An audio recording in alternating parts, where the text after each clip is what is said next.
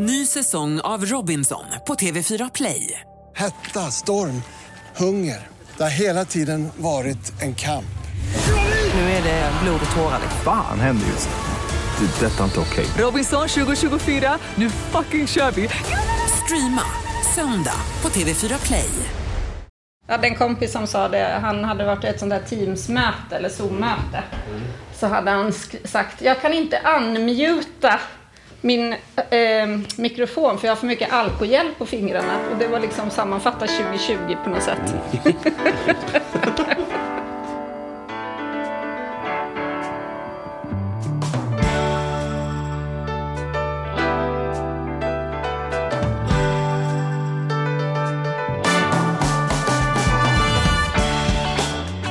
Hela rummet är fullt med mikrofoner, det luktar alkogel, då vet man att det är inspelning av ekonomi på riktigt som pågår.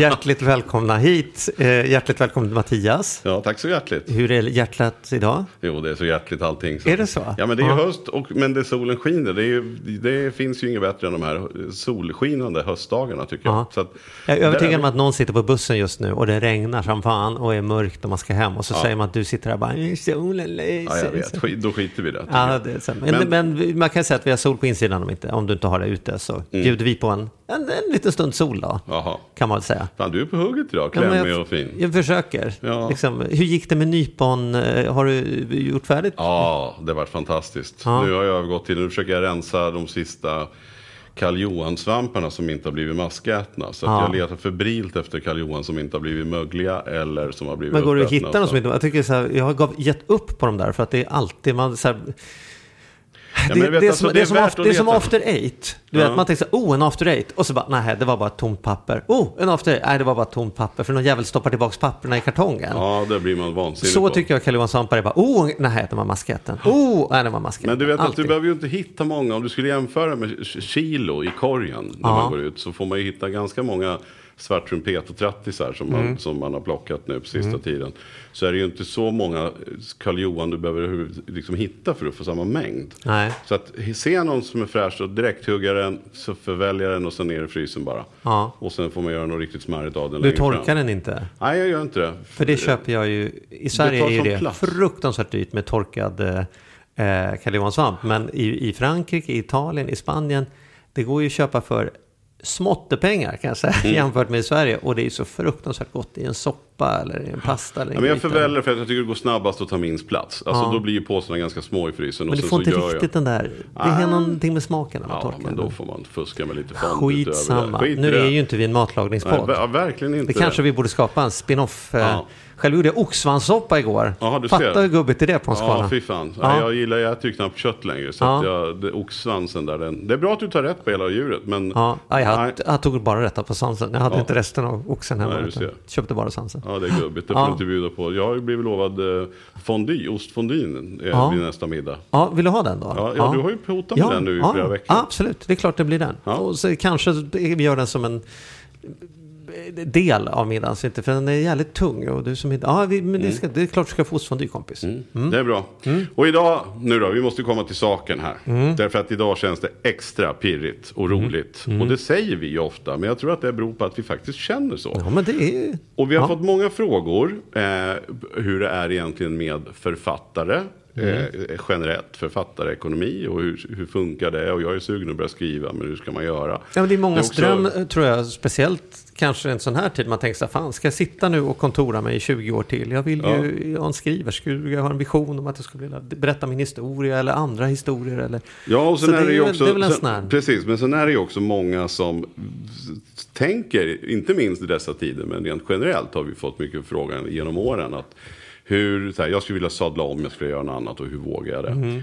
Och då har vi ju hittat liksom, Sverigestjärnan i det här. Mm. Som både har lyckats fantastiskt bra som författare och som har sadlat om. Verkligen. Och självklart då som också bidrar till att det luktar desinfektion här inne nu i studion. Tre stycken insmorda personer. eh, så att jag tycker vi bara går rakt på sak här nu då och välkomnar Simona Arnstedt hit!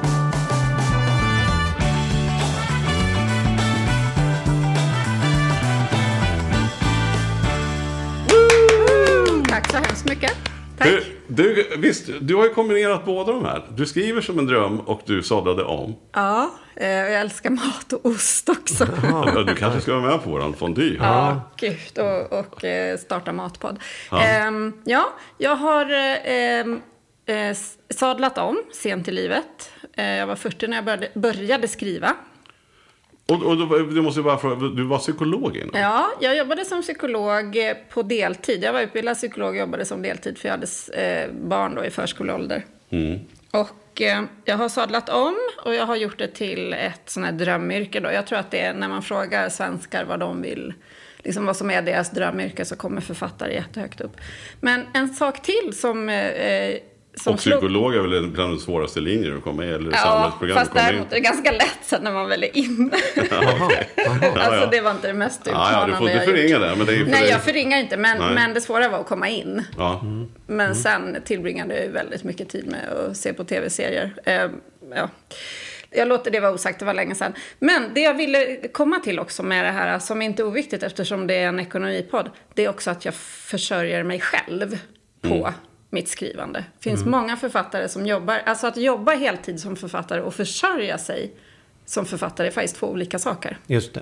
det, ja. de pengarna som betalar bröd och mjölk och hyra är eh, författarpengar. Ja, och för och, mig och mina två stora barn. Och du menar ofta, ofta är det så när man, någon är författare att om man tittar lite närmare så skriver de och ger ut böcker och förstås är författare. Men det är inte det som betalar Nej, som att ja, folk på. brukar fråga mig vilket är det bästa rådet liksom, om man vill eh, försörja sig som författare. Och det är att vara giftrikt. Mm. Det är liksom, för att eh, vi är inte många ensamstående mammor som skriver böcker och eh, drar in liksom, till mat och hyra på det. Men låt oss ta det här från början då. Så du är, du är psykolog, ja. du har små barn eh, och är någonstans kring 40 va?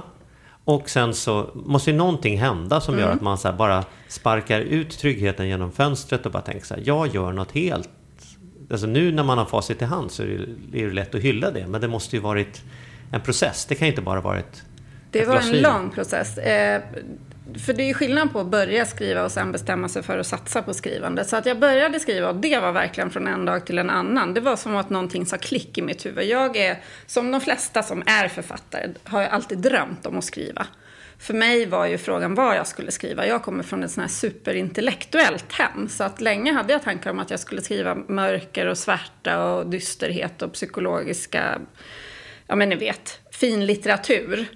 Eh, parallellt med det så tyckte jag väldigt mycket om att läsa böcker som handlade om kärlek och humor och liksom som var härliga och som också slutade lyckligt. Och sen så en dag så sa det bara, det sa verkligen bara klick. Jag skulle skriva en bok som handlade om kärlek, som eh, hade humor, som hade erotik och som slutade lyckligt. En sån bok skulle jag skriva. Och det var verkligen, jag, jag kom på det på helgen och sen satte jag mig på måndagen och började. Så, du var, oh, wow. liksom, du, så, så, när du, när du startade datorn, då var du, hade liksom huvudet var ändå färdigt att det ska bli en bok av det här? Nej, utan Eller? det var att jag ska testa att skriva. Jag kunde ju ingenting. Eh, och det hade nog inte gått om inte internet fanns. För jag fick ju verkligen sitta och googla. Hur skriver man dialog? Hur skriver man en bok? Och det tog lång tid innan jag fick någonting som började likna ett manus. Och efter kanske ett år så började jag tänka, oj, jag kanske ändå ska satsa på det här och försöka få boken utgiven. Eh, jag fick i 40-årspresent fick jag en skrivkurs också. Så att, så att runt eh, den tiden, då började jag ändå tänka lite grann att åh, tänk om jag får ut en bok. Och sen så småningom då så fick, alltså det var ju en jättelång process. Så snabbspola 15 månader fram, då har jag blivit refuserad av alla förlag i hela Sverige. Och en del har refuserat mig flera gånger och det var liksom så här, för då hade jag skrivit en historisk kärleksroman. Och det var verkligen så här, jag fick kommentarer som att ja, ah, men du kan ju skriva, varför, varför skriver du inte en, en deckare istället? Eller ja, ah, men du vet, en riktig bok. Det var liksom på den nivån. Mm. Eh, och, och man måste vara så envis som jag var. För att det här är en tuff bransch. Men efter... Hur var, hur var du det då? Därför att om man är alltså jag ovan så, alltså, nej, men liksom... så här, liksom- Det bara gick inte att göra något annat. Jag slutade med alla mina andra intressen. Jag slutade liksom bjuda hem folk. Jag slutade eh, jobba i trädgården. Alltså det här, jag var så uppslukad av det här. Jag gick upp tidigare på morgnarna för att skriva. På julafton minns jag hur jag smet iväg och satt en stund och skrev. Alltså jag var så, jag kunde inte låta bli. Men tar man inget intryck av när proffs efter proffs efter proffs säger så här, det här går inte att sälja, det här går inte ut, det här vill ingen ha, det här inte, finns ingen marknad för. Det Blir man inte formuleras ju inte så, nedsliten? det här vill ingen ha, utan tack för, men det här passar inte vår utgivning för tillfället. Nej, men- standardsvaren. Just det, men du förstod ju ändå var, varför det inte passade, för de inte trodde att det men fanns några jag trodde pengar. så mycket på mig själv och jag började också göra lite marknadsundersökningar. Det här eh, som jag skrev, det är ju någonting som kallas för romance. Det är världens största litterära genre. Vi har inte det i Sverige, eller hade inte det på den tiden. Men jag läste väldigt mycket på engelska. Jag såg ju den här genren att den fanns och jag tänkte så mycket som jag älskar den här genren så mycket som andra verkar älska den här genren. Det borde gå hem i Sverige. För ofta var det liksom genren de slog ner på. Sticker ut hakan med att säga att det är tantsnusk. Eh, Det var någon Har som sa det det? inför idag i Om alla jag fall. har Sa så hört det. här, oh, hon är Kanske jättebra hört det författare och det är lite tantsnusk. gånger, Ja. Eh, det, men alltså det här, nu drar, drar det igång någonting som du inte hade räknat med. För att grejen med tantsnuskar, det är så här. Kvinnor som skriver böcker eh, som handlar om kvinnor, som läses av kvinnor och som kanske utforskar sådana ämnen som kvinnor av tradition är mer intresserade av. Kärlek, relationer. Eh, har genom århundraden eh, på olika sätt eh, hånats och nedvärderats. Och eh, enligt mig så är ju det här en, en feministisk fråga. Det är en patriarkal struktur som inte vill eh, att kvinnor ska läsa för mycket, att de ska göra saker som drar dem från det som man tycker att kvinnor borde göra, det vill säga eh, stanna hemma och hålla tyst, typ. Tantsnusk är en term som myntades på 80-talet. Eh, det var stort då, något som kallades för flärd, eh, lust och njutningslitteratur. Då kom de här stora Lace och Jackie Collins och Judith Krantz. Och då läste Jan Myrdal de här böckerna och han förfasade sig över dessa förskräckliga böcker och han myntade eh, Ordet. tantsnusk.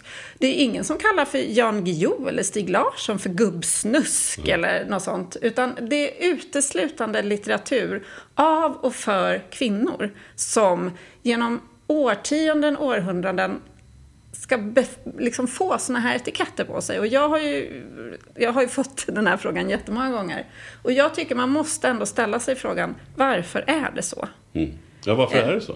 Eh, jag tror att det är så. Av tradition så allt som kvinnor pysslar med har lite lägre eh, status. Men jag tror också eh, att det finns en vilja att alltid hålla kvinnor på plats.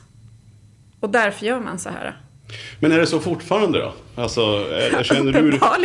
Ja, nej, men det är därför jag tycker det är intressant. Det är därför jag ställer frågan. För att jag lyssnar på, på jag försöker ha lite koll på omvärldskoll på våra poddar. Eller på poddar som finns. Jag tycker det är kul att lyssna på poddar. Och då lyssnade jag på Klara och Mia. Heter de ju inte. De heter, de heter ju Anna och Mia. Anna och Mia. Precis. Och där har det då gått över, tycker jag. De pratar om om kvinnliga könsorganet och liksom gasade på så hårt så att det känns som de här riktiga gubbjävlarna gjorde på... Det känns som det har liksom skiftat över någonstans. Så att nu, de pratar om det som man inte orkade att höra grabbar snacka. Nu fanns ju inte poddar på det sättet för 20 år sedan. Men alltså att det, så här, håller, pendeln verkar svänga rätt hårt liksom. Du, du gjorde ju det här då när, när du började liksom. Förstår du vad jag är ute Men jag, det jag undrar, du, någon sa någonting till dig om, om tantsnusk. Var det någon som hade läst mina böcker eller inte? Ja, precis. Min fru har läst dem och tycker de är fa- helt fantastiska. Alltså hon, eh, hon väntar ju på, på nästa bok eh, liksom, som nu precis har kommit som vi ska prata mer om sen. Och tycker att det är så härligt och befriande och så jävla bra böcker. Varför vi ju ville träffa dig.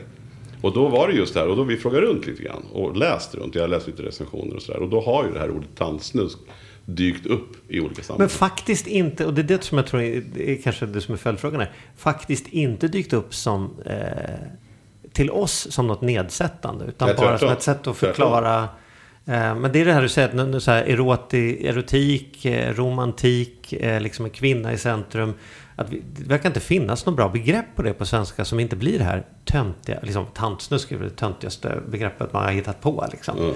Till att börja med, vem är det som är tant och vad är snusk då? Liksom? Ja. Som du säger, liksom, Jo, men det är ju frågan om man tycker... För att grejen är det att de orden kommer Alltså för, för det som jag upplever väldigt mycket det är att folk som har läst mina böcker och folk som inte har läst mina böcker. Det är en sån enorm diskrepans mellan vad man anser att det innehållet är. För det första så handlar ju mina böcker Alltså av 500 sidor så kanske ja, 10 procent. Där håller de på och snuskar sig då. Om man får. Sen handlar ju mina böcker om rasism, om feminism, om hbtq-frågor, om vårt samhälle, om klass, om ekonomi. Jättemycket om ekonomi har jag insett nu när jag har funderat inför den här podden.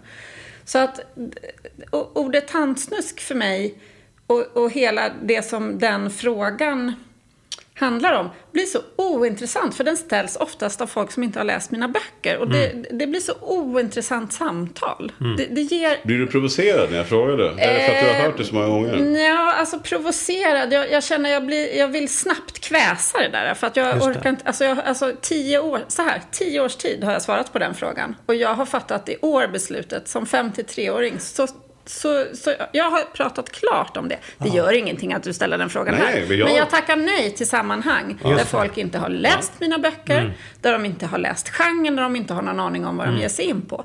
Då får ni välja någon annan, för jag är klar med det snacket. Mm. Och sen tycker jag, eh, om man väljer att benämna kvinnobejakande sex som snusk, då tycker jag man ska utforska sig själv lite grann. Mm. Så tycker jag.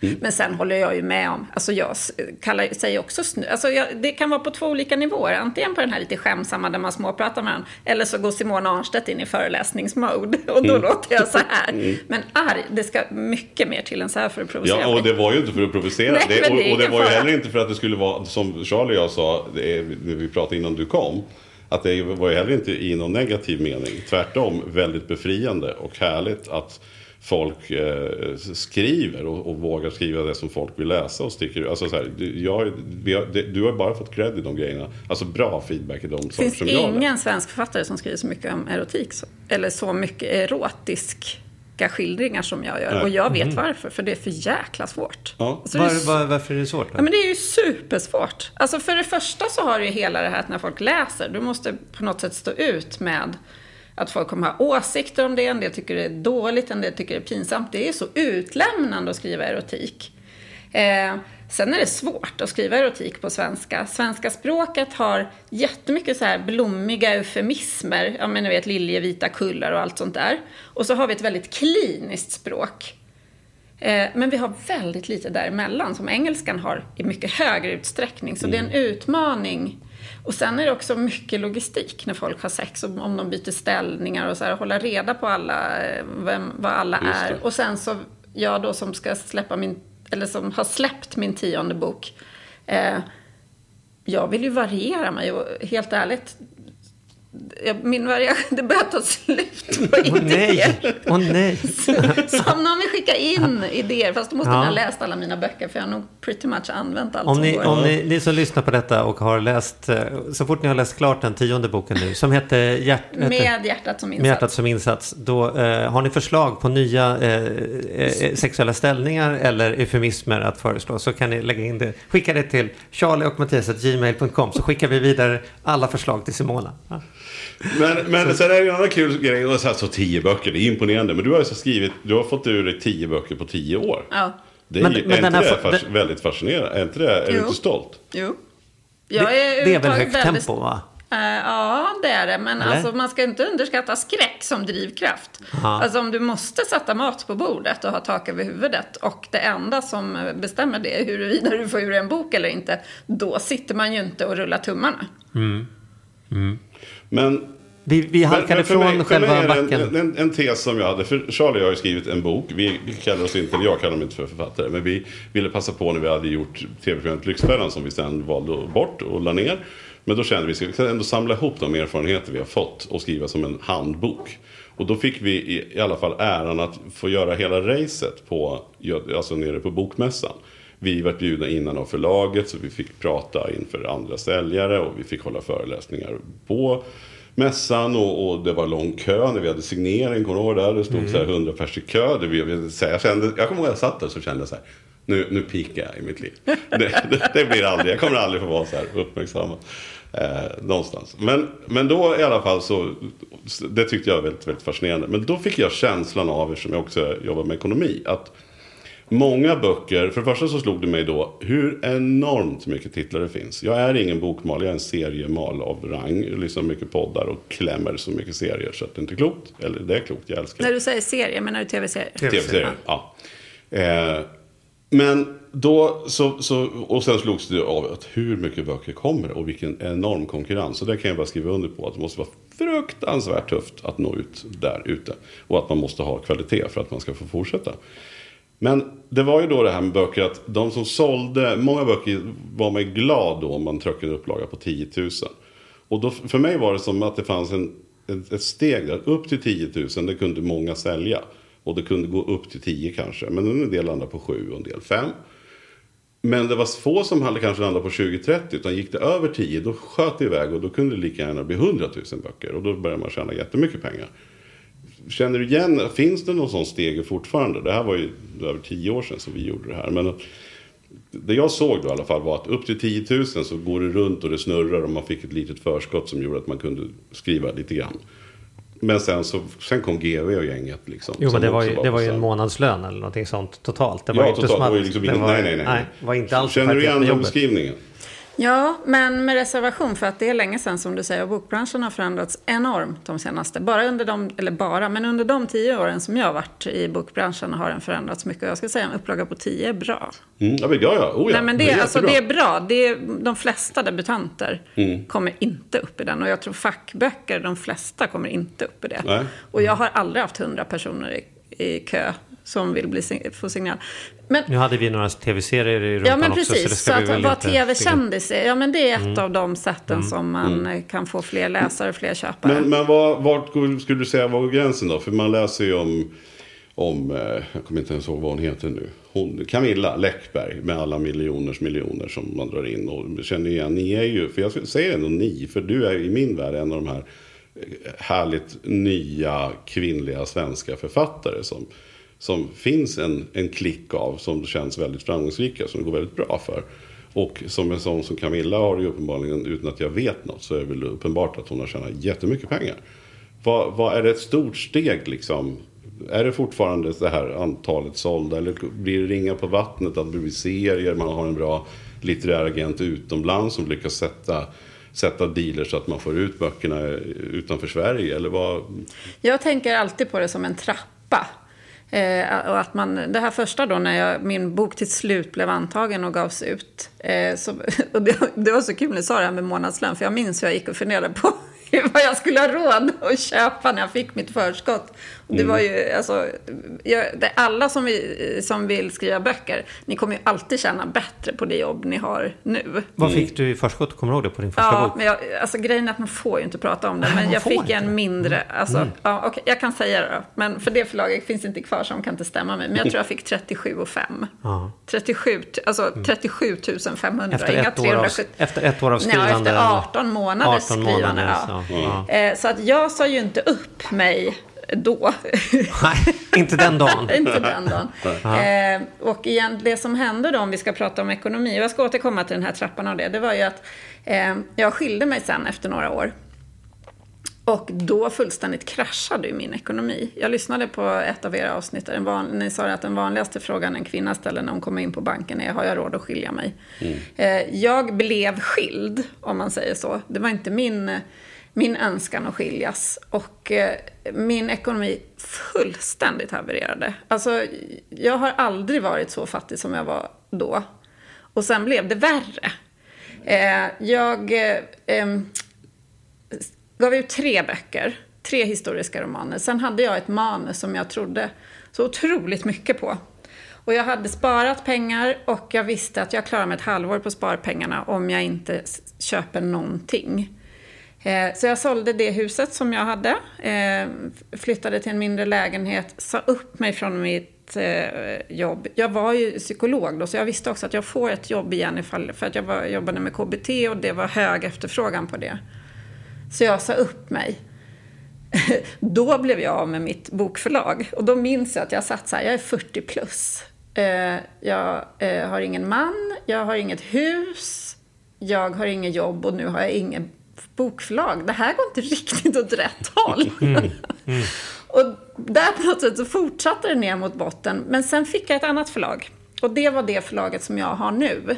Eh, och de gav ut det som kommer att bli En enda natt. Det är den här boken med, som jag har tagit med till er med en röd, eh, en kvinna i röd klänning på Du har väldigt snygga omslag kan jag Ja. säga. Vi ska, lägga upp, vi ska lägga upp våra sociala medier så kan ni titta Det på. finns olika, en del tycker de är förskräckliga och en del tycker de är jättesnygga. Men eh, det var svårt för att vi skulle ju liksom skapa, den genren fanns inte i Sverige. Så vi ska, och det är ju så här, folk som köper böcker, man ska fånga deras eh, nyfikenhet på en, du har en till tre sekunder på dig. Och, Mm. vi, och då vill du ju signalera vad det är för typ av bok. Och ofta gör du det genom att den liknar andra böcker. Mm. Eh, så där, eh, då, och då skrev vi kontrakt och då fick jag mer pengar men fortfarande inga peng, inte pengar så att jag kunde leva, eh, alltså det räckte ju inte. Men jag började hanka mig fram. Men eh, ekonomiskt så nådde jag ju botten tror jag våren 2015. Då ringde jag till en, jag kommer inte exakt ihåg, men där någonstans. Då minns jag att då ringde jag till en kompis och grät och sa det att jag fattar inte vad jag har gjort. Hur kunde jag vara så klantig och tro att jag skulle klara mig? Och kan du låna mig pengar till min nästa hyra? Det var Men var det liksom- så att du hade fått förskott som just var förskott och sen hade du behövt använda dem Ja, du- månadsvis ja, och sen ja, så visst. innan försäljningsroyaltyn Ja, kom ja. så vart det ett stort glapp. Och jag vill bara säga att en försäljningsroyalty, det är inte garanterat att du får någon försäljningsroyalty. Det vill jag bara säga. Ja, det var så. Man får inte så mycket. Alltså, du får inte i början. Och var, de visste ju inte. Ingen visste om det här skulle Nej. gå. Men sen började ju mina böcker också sälja utomlands. Och eh, det vände egentligen för mina, de, den här serien sålde till USA och sen sålde den till England och Tyskland. Och sen, började, och sen började det komma in så pass mycket pengar att den här absoluta paniken som jag hade ekonomiskt länge gav med sig. Men alltså att vara småbarnsmamma, du vet, jag köpte inte vinterskor på många, många år till mig själv. Bara, alltså till barn, så. Men det var väl också för att du inte visste heller. Man vet ju inte hur mycket den säljer och hur, hur det ser Nej men ut. det var, jag hade inga pengar. Nej. Alltså det var verkligen Nej, men det jag menar, ja. du, du kommer in så var det så här, antar jag att det blir, åh, åh vad skönt. Nu klarar jag mig någon månad till. Ja, liksom. precis. Det är ju svårt att beräkna menar jag. Ja, det är helt omöjligt Ja, att beräkna. Eh. Det, det kan komma, oj nu fick jag 40 000 eller oj nu måste jag betala 130 000 till Skatteverket. Det är också, jag hade en enskild firma vilket inte passar mig alls. För jag vet väl, det var ju också en period, jag bara flika in där, där, där, eller väldigt långt, under en lång period som, jag kommer inte ihåg när det slutade vara så, men att när bokhandlaren köpte in böcker så fick de stå för det och inte hade full retur. Eh, vilket, jag kommer inte ihåg om det kan ha varit tio år sedan kanske när det förändrades, men där det gjorde så att bokhandlaren fick skicka tillbaka det de inte sålde. Vilket blir ännu svårare för Det författaren. jätte, det är ju inte roligt. Det har ju hänt eh, folk som jag känner där liksom Mm. man trodde man hade sålt 3000 ex och sen kommer med 1500 1800 tillbaka. tillbaka. Ja. om- ja. Eh, så de har returrätt. Eh, men den här trappan du pratade om, om den var liksom, om 10 000 kommer de flesta upp i. Det gör inte folk nu. Nu för tiden tror jag man räknar hem en affär om man säljer. Och nu, så jag är ju inte den som kan Nej, men det här. kan- men alltså kan- 2000 i alla fall. Ja. Säljer du under 2000 då kanske man börjar oroa sig. Om du är en eh, författare som skriver så kallad kommersiell litteratur, det är ju det jag gör. Litteratur som, som man räknar med ska sälja och dra in pengar. Så att Mm. man sen kan också ge ut lite poesi som säljer kanske 200 ex eller någonting. Mm. Eh, så att eh, trapporna, eh, det är ju så. Man säljer ju mindre nu. Men Eh, jag tänk, ja, det gör man. Men jag tänker ändå att upp till 10 000 så kan man ju fortfarande inte kanske helt leva. Om man skulle sälja 10 000 bara, och inte, det är verkligen inte bara, det är skitmycket böcker. Men att där blir inte den här snöbollseffekten. Alltså det vill säga att man gör den här super... Nej, förr i tiden brukade man prata om att 20 000, sålde man 20 000 på ett år. Och du får inte glömma att det är på ett år. Nej. Alltså sen måste du komma med en ny bok. Exakt. Det är inte så att, ah, nu har jag sålt 20 000, nu kan Nej. jag dra mig tillbaka. Nej, utan, nej. Men eh, nu för tiden räknar, och då pratade man om inbundna böcker. Nu Mm. för tiden ser det inte riktigt ut så, utan nu för tiden pratar man sålda ex alla format. För att nu till exempel har ljud kommit. Och det Mm. har kommit på bara några år. Så har ljudboksformatet fullständigt exploderat i Sverige, vilket har ritat om kartan helt. Mm. För plötsligt är det där man kan börja dra in lite pengar. Eh, när jag började skriva, då, var, då fick man liksom kasta ljudboksavtal. Alltså man som författare nästan betalade för att någon skulle ge ut den. Nu är det ju där, de ger man ju inte ifrån sig de avtalen. Nej, och nu För har jag ju sett, eftersom jag är lite i branschen också då, och har några klienter som, är, som skriver, eh, så vet jag ju också att alltså nu, det är vissa, eh, sen, så, bara för några månader sedan så gjorde jag ett avtal som bara innefattade ljudrättigheten. Ja, Inte men en ens- del böcker inte ens ges bara ut Ges som inte ens ljud. ut som vanlig Nej, bok precis. Nej. Eh, och Hur är det det- där för dig? Hur mycket är ljud? Hur mycket är digitalt och hur mycket är pappers? Om du inte får prata siffror kanske du får prata procenten men det, det, då? du Liksom. pra, det du pratar om är inbundet, man pratar om pocket, man pratar om ljud och e-bok. Och Mm. sen ibland tillkommer något som kallas för storpocket. Det är mellanformatet mellan sto, eh, inbundet och pocket. Mm. Eh, om jag, och, och, och till, för ytterligare röra till det då, så vissa typer av böcker, däribland mina, de fortsätter sälja väldigt länge. Eh, du pratade om det här eh, att, eh, att när man har fått lite rull på det. Jag, får, jag tjänar fortfarande pengar på de böckerna som jag gav ut för tio år sedan. Och det är en bransch där en bok ofta är död efter två månader. Eh, så att, nu ska vi se. Vi kan säga så här, bara lite till, som är den bok som kom ut innan Med hjärtat som insats och som är en bok där jag ändå har siffrorna i huvudet och som också sålde 100 000 på ett år, vilket eh, är Wow. rätt så, Mm. eller ja, ännu mindre, eh, enastående. Och de siffrorna har jag lite i huvudet. Där skulle man kunna säga att, åh det är så osäkert, men säg att ljud, pocket och inbundet är det som står för de stora summorna och då kanske det är fördelat ungefär Lika mycket? ungefär lika mycket, ungefär Mm. lika mycket. Men kanske att man... Men sen är grejen, om två år, då kanske, då kanske ljud är, står för hälften. Mm. För ljud är det som fortsätter ticka på, medan den inbundna, den dör ju. Mm. Och sen så säljer pocketen på en liten stund, men sen plockas ju pocketen bort från de flesta hyllor och kanske lever kvar på internetbokhandlarna. Medan ljudbokstjänsterna, de bara fort, där bara fortsätter böcker. Så fort någon har upptäckt mitt författarskap, då kanske de går tillbaka och så vill de läsa alla de gamla böckerna och då fortsätter ju. Så att, Men per men det bok, fattar jag, för det om är jag... kul med våran podd, vill bara säga det. Ja. Det är ju rätt roligt också för att vi har ju då, vi ser vad vi har för downloads, alltså nedladdningar då, eh, varje tisdag när vi släpper vårt avsnitt. Men sen så har det ju ändå varit jättemycket mer lyssningar och då är det verkligen som att folk har hittat podden och sen börjar man gå tillbaka. Ja, och kolla. precis, Och det är väl är samma sak Exakt, nu. Man hittar, ja. man hör talas om här nu, nu ser någon sitter här och lyssnar. Eh, Och Lyssnar kan konstatera, Mm. ja men jag tänker också nu att nu berättar vi att det är säkert lyssnare här som inte har läst dig.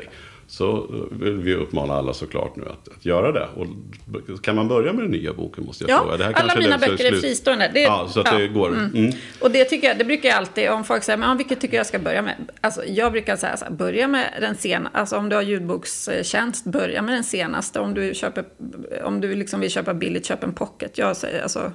Men det är en av de här böckerna som jag gillar extra mycket. Som heter En enda natt. Nej, du menar en enda risk. En enda risk En menar jag. enda risk menar jag. Ja, jag hade, sorry, jag hade tandsnusket kvar. Nej, nu släpper vi det. Ja, eh, ja, just det. En enda risk. Ja. Ja. Berätta om den. Ja, det är så roligt. Varför jag tycker Ja. det eller varför vi tycker det så Jag tycker, ja, jag, bakgrunden är ju att jag, jag är ju en extremt eh, introvert, så jag sitter ju helst hemma. Och jag tittar väldigt mycket på tv. Jag brukar tänka på det, alla, alla vill vara med i tv, men jag är ju den som tittar på allting Du vill på vara på TV. andra sidan, Jag ja. är den, ja. men framförallt är jag ju på andra sidan och ser mycket tv. Och en av mina absoluta favorit-tv... Eh, tv-program var ju eh, Lyxfällan länge. Och grejen är att jag tycker om att arbeta in tv-program i mina böcker. Jag har både eh, Bonde söker fru och Halv åtta hos mig jag har varit med. Men också då så kände jag att jag har en eh, hjältinna då, huvudpersonen, den kvinnliga huvudpersonen. Hon är journalist på Aftonbladet och, lever, och, och eh, arbetsnarkoman. Och hennes stora eh, nöje här i livet är att titta på Lyxfällan, äta smågodis och skratta, hån, hånskratta åt män som gråter för att de måste sälja sin Xbox. Och det, då träffar hon ju en man då och då ska hon introducera honom till det och han säger men vad går det här programmet ut på egentligen? Säger han, för han, han förstår överhuvudtaget inte. För han är ju cool, han tittar ju aldrig på TV. Nej, han, nej, tittar, han är ute och räddar världen typ. Ja, Så, det. att, ja, så att, sen bondar de över det här programmet ihop. Nej, vad roligt. Det är jätteroligt. Ja, nej, jag vet ju det. Det var jädra kul. Det var faktiskt min fru som berättade. Hon hade läst det. Då blir inte blir man så här, då blir man lite stolt ju. Även om inte För du det vet ju inte, vet inte hur du framställs i... Nej men inga programledare tror jag. Det var så länge sedan jag skrev den. Men, Nej. men, Ja, ja. ja, Nej, ja, ser. kul. Nej men roligt alltså. Det, ja, men, och, så då, men nu då? Alltså känner du dig lugn i ekonomin? Har man kommit efter tio böcker med den typ av nivå som du håller? Jag menar för, för mig så är du ett, ett känt namn nu. Även fast jag inte är en bokmal på något sätt. Så känner man igen dig. Det är klart. Men är du safe nu? Behöver Ja, du inte tjäna några mer pengar? Ja, men det tycker jag är så intressant, för det är så svårt. Jag går, tänker inte på mig själv som känd. Jag tänker på mig själv som etablerad. Ja, det är kanske ett bättre ord men då, jag, men- nej, men jag, nej, men alltså det är bara för att för mig, känd, då är man en sån som eh, man, man sätts på eh, ett tidningsomslag och så säljer det fler tidningar. Det tror inte jag att jag gör, mitt namn. Mm. Men, men, och jag träffar oftare folk som inte hört talas om mig än vad jag träffar folk som har hört talas Det är fortfarande lite nytt för mig det där att Ja, okej. Ja, men när, när, när jag går till sjukgymnasten så säger hon i receptionen Åh, jag vet vem du är. Och jag bara, åh, gör du? Det känns jä- fort- Jag har verkligen inte vant mig vid det. Det, det är den här vackra, är du den Simona Arnstedt? Ja, precis. Mm. Ja. Jag är den. Mina barn blir fortfarande väldigt imponerade när det Ja, händer. ja. Eh, så, men jag är etablerad och eh, på ett, på, till exempel att det, jag, jag har skrivit kontrakt på flera böcker nu. Eh, och det kan jag alltså förlaget litar så på att böckerna kommer br- gå bra och att jag gör det jag har åtagit mig att göra. Det är ju ingen garanti bara för att man har släppt tio böcker att man kan tjäna pengar på det. Det är viktigt att veta. För att det är, inga, det är inte likadant som eh, andra jobb, tänker jag. Eh, där man, det finns någon sorts koppling mellan hur hårt man arbetar och vad man får i lön. Du kan jobba jättehårt som författare och aldrig kunna försörja dig på det. Och sen så finns det ju ja, tv-kändisar som får släppa en bok och så. Ja. så det är väldigt speciellt tycker jag, det, den typen av jobb. Eh, säker, eh, det, alltså det gör nog jag aldrig. Jag är ju inte riktigt den typen som känner mig säker. Utan jag är ju lite ekorre sådär. Så fort det kommer pengar så ska de stoppas i olika eh, olika hål och jag misstror banker och öppnar bankkonton överallt så att ingen bank ska, ska tro att de äger mig med resultatet jag har ingen aning om vart, vilka banker jag har öppnat konton i. Oj då. Eh, ja, precis. Eh, men jag... Nu behöver jag inte oroa mig för, på ett par år i alla fall. Men jag kan ju också få cancer eller, eller eh, bli sjuk eller någonting. Och, och, och på det viset är det ju sårbart. För att ingen kan göra det jobbet åt mig. Jag måste ju skriva böckerna själv. Och jag måste också vara lite försiktig med, med min tid. För att ju mer i början då när man inte var så framgångsrik, då, då blev man ju så lycklig när någon journalist ville ställa några frågor. Nu måste man hålla koll på, si, på sin tid. Men hur är det, tjänar du mer nu om du skulle se- slå ut de sista två årens lön? Tjänar du mer i snitt per månad än vad du gjorde som psykolog? Ja, nu gör jag det. Fast jag vet inte hur, vad jag skulle haft i psykologlön. Nej, men ungefär tänker jag. Alltså att du vet ändå om du, var det ligger. Ja, Då säger du att det, det, det hör ju på dig att det är typ där i närheten eller ja jämförbart. För, alltså, för grejen du tjänar är inte 250 000 i månaden på dina Nej, böcker det gör uppenbarligen. jag verkligen inte. Nej. Eh, men man tjänar ju inte pengar på det viset. Det är ju en så bisarr bransch det här. Eh, jag har ju startat aktiebolag dit pengarna går. Eh, Så att jag tar ju ut en lön. Eh, och den bestämmer jag ju själv då utifrån ifall det finns pengar i bolaget. Det var bara något år sedan som det inte fanns pengar i bolaget. Så det blev liksom ingen lön till Simona Arnstedt den månaden. Men sen nästa månad kan det komma in en halv miljon som jag inte ens har räknat med. Så att så konstig är den här världen. Ehm, så att jag skulle i teorin kunna ta ut mer. Men då tar ju pengarna slut jättefort. Och jag vet, så att eh, jag... eh, Men, jag, jag, men, men man tjänar ju mer liksom roliga pengar tycker jag. För det kan komma pengar som man inte har räknat med. Och man har ju också en firma som gör att man kan... Ja, men jag kan sticka iväg på en kick-off för mig själv. Och det är ju Men- sånt mervärde i, i livet tycker Ja. jag. Ja. Jo, men det förstår jag verkligen uppsidan av. Vi är ju Ja. både egenföretagare, det kan jag verkligen förstå uppsidan. Men det är ju också som du säger en press. För skriver du inget, om du sätter dig framför, framför datorn och börjar skriva och det inte kommer något så, så blir det ju inga pengar över. Ja, du kommer fortfarande sälja böcker, men då kommer det ju gå nerför. Är det, är det, för det är också egenföretagarens press ibland just när man har den typen av yrken som man producerar saker. Jag har precis anlitat en snickare som ramlade olyckligt och slog sig och knäckte två revben. Vilket gjorde att han, han hade ju lovat massa jobb, både till mig och till några andra. Och sen plötsligt står han där, jag vet inte när jag kan komma och jobba igen. Och det finns ju ingen som betalar. Alltså förstår du vad jag menar? Och här Ja, är det en, ett, ett, det. ett revben, det går ju att lösa så småningom. Men alltså får du inte till det. så blir det ju... Alltså min oro är inte att jag inte får till, alltså det är ju på något sätt, det är ju det jag kan. Ja, så det, där känner du dig trygg Ja, med, men liksom. alltså att skriva böcker, att skriva den här typen av böcker, du frågar om jag var stolt, jag är jättestolt. Men jag är också, det här är enda jobb som jag har haft och jag har haft många jobb under åren. För jag har plugg, dels har jag pluggat jättemycket olika saker, dels har jag ju hankat mig fram på olika jobb och testat mycket olika saker. Det här är enda jobb som jag har haft där jag inte känt mig som en bluff. Det är, alltså jag, jag har hittat hem och jag, är så, och jag tror jag är tacksam flera gånger om dagen att jag får hålla på med det här. Att jag, eh, och jag lyssnade ju då på er podd innan jag kom hit och jag har lyssnat på flera avsnitt och i något avsnitt pratar ni om det här, ja men det var i, om corona, det här att man upptäcker vad som är värt i livet. Och jag har ju, eftersom jag jobbar med KBT så har jag jobbat mycket med det här att man tittar på vad har du för värderingar, vad är viktigt för dig? Och alla människor svarar mina barn är viktigast för mig. Och sen lever man inte enligt de värderingarna alltid för livet kommer emellan eller man tackar ja till saker och så plötsligt så har man inte pratat med sina ungar mer än två minuter per dag de senaste månaderna. Jag har ju verkligen aktivt tänkt att jag, det här är så viktigt för mig att vara hemma tillsammans med mina ungar och jag är så tacksam att jag kan göra det. Mm.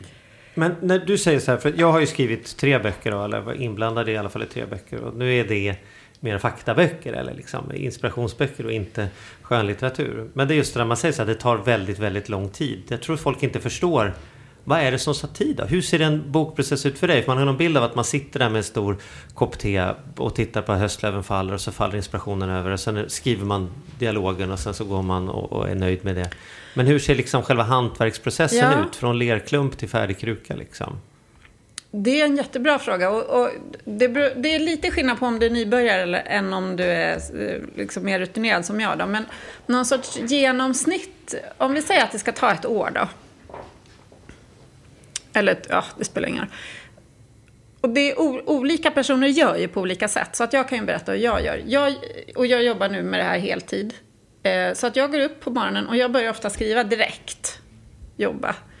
Eh, för jag är pigg på morgonen och tycker det och jag tycker om att börja liksom innan alla kontor sätter igång för då, då blir man inte så mycket störd.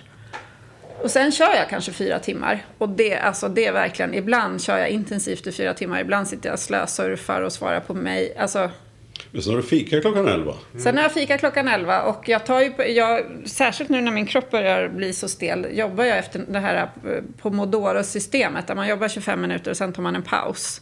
Och jobbar 25 minuter och sen tar man en paus. Det är ett bra sätt att bli effektiv.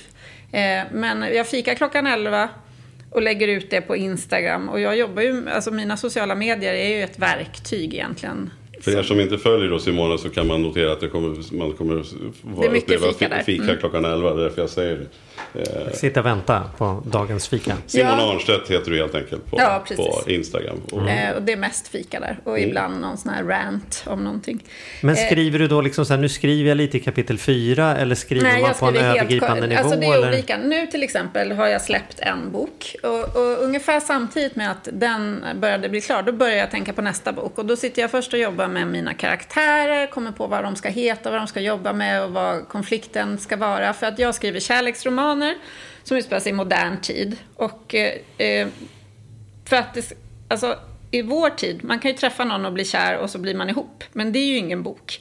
Så att det är ju två personer som träffas som vi känner att de är, borde bli ihop. Men så finns det massa anledningar till att det inte passar sig. Och det är det som är handlingen i boken. Så då funderar jag ut handlingen och sen så brukar jag ofta fundera på slutet och så börjar jag dra upp vad behöver jag veta. Eh, till exempel i Med hjärtat som insats, huvudpersonen är kvinnlig livvakt. Jaha, vad gör en kvinnlig livvakt då? Hur, hur går det till? Då letar jag reda på folk som jag vill intervjua, jag lånar böcker, jag läser böcker, men jag försöker komma igång ganska snabbt med skrivandet, för det är lätt att researchen tar över annars, för jag tycker det är så roligt och så börjar jag nörda in mig i böcker och sådär. Eh, och så börjar jag skissa på den här karaktären och så börjar jag skissa på vad, vad boken ska handla om och sen så har den manliga huvudpersonen, för jag visste att jag ville ha två personer som hatar varandra. Jag tycker det var så roligt. Och så visste jag att de... Att det, är kul, det är kul att se när du berättar. för Det bara glimrar i dina ögon här. Det ser, det ser och inte då- lyssnarna. Och så Men, kände jag också att de här två har känt varandra förut. Så det här är två människor som älskade varandra passionerat när de var unga. Så det är som man bara gör när man är tonåring. Men någonting hände som drev dem isär totalt och brutalt. Nu har 15 år gått. De har inte setts, de har inte pratats vid sen den där katastrofen. Och nu kliver han in på hennes jobb, för han behöver en livvakt. För han är hotellkung med utländskt påbrå och han har blivit hotad till livet och han behöver en livvakt. Och så kliver han in på och då kliver han in på kontoret hos Tom Lexington som var huvudpersonen i En enda risk. Han är ascool, han är ex-militär och jättetuff. Och där jobbar eh, Desi då, som hon heter.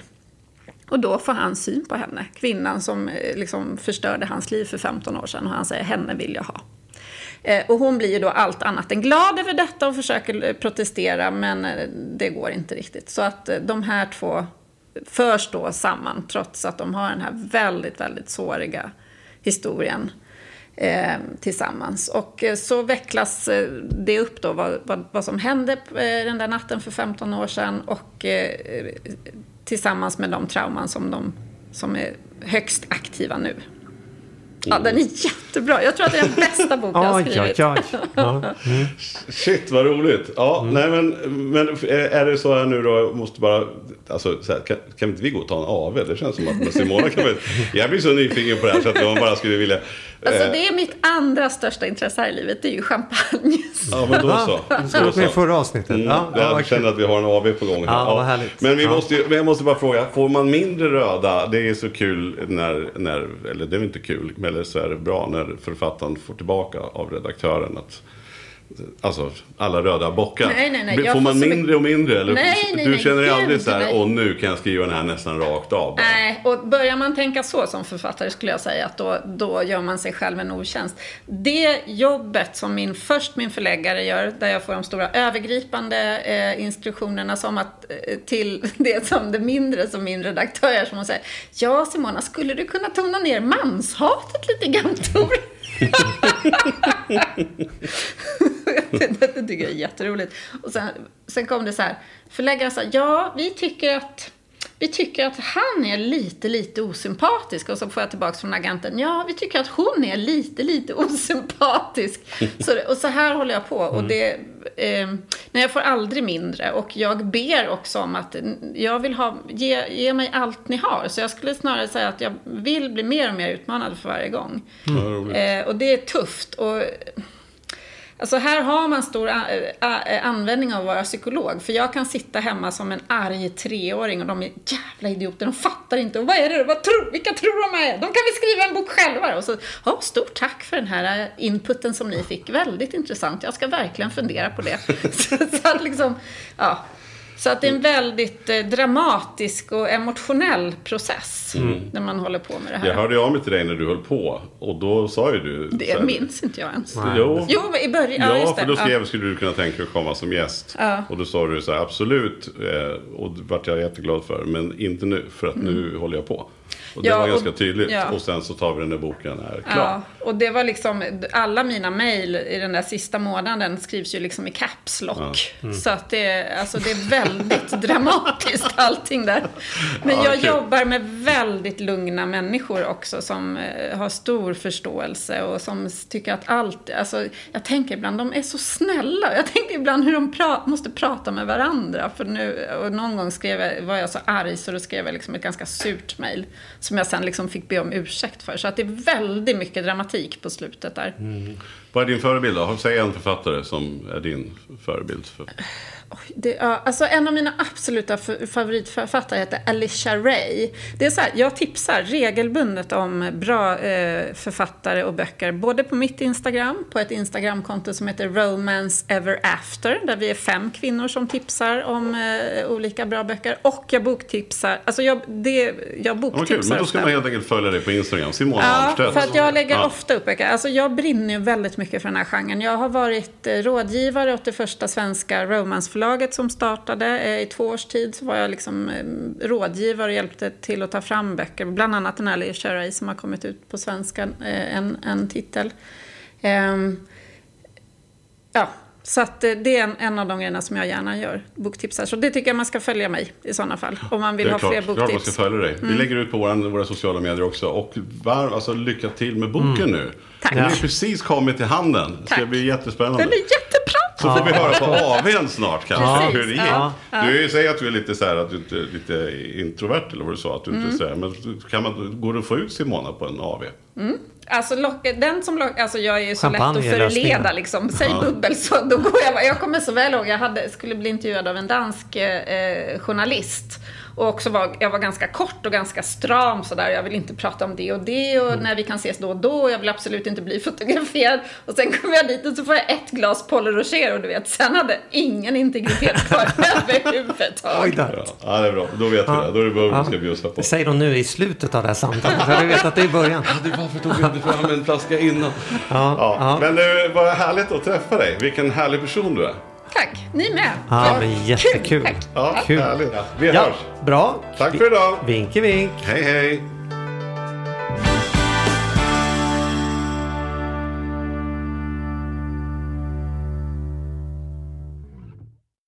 Ny säsong av Robinson på TV4 Play.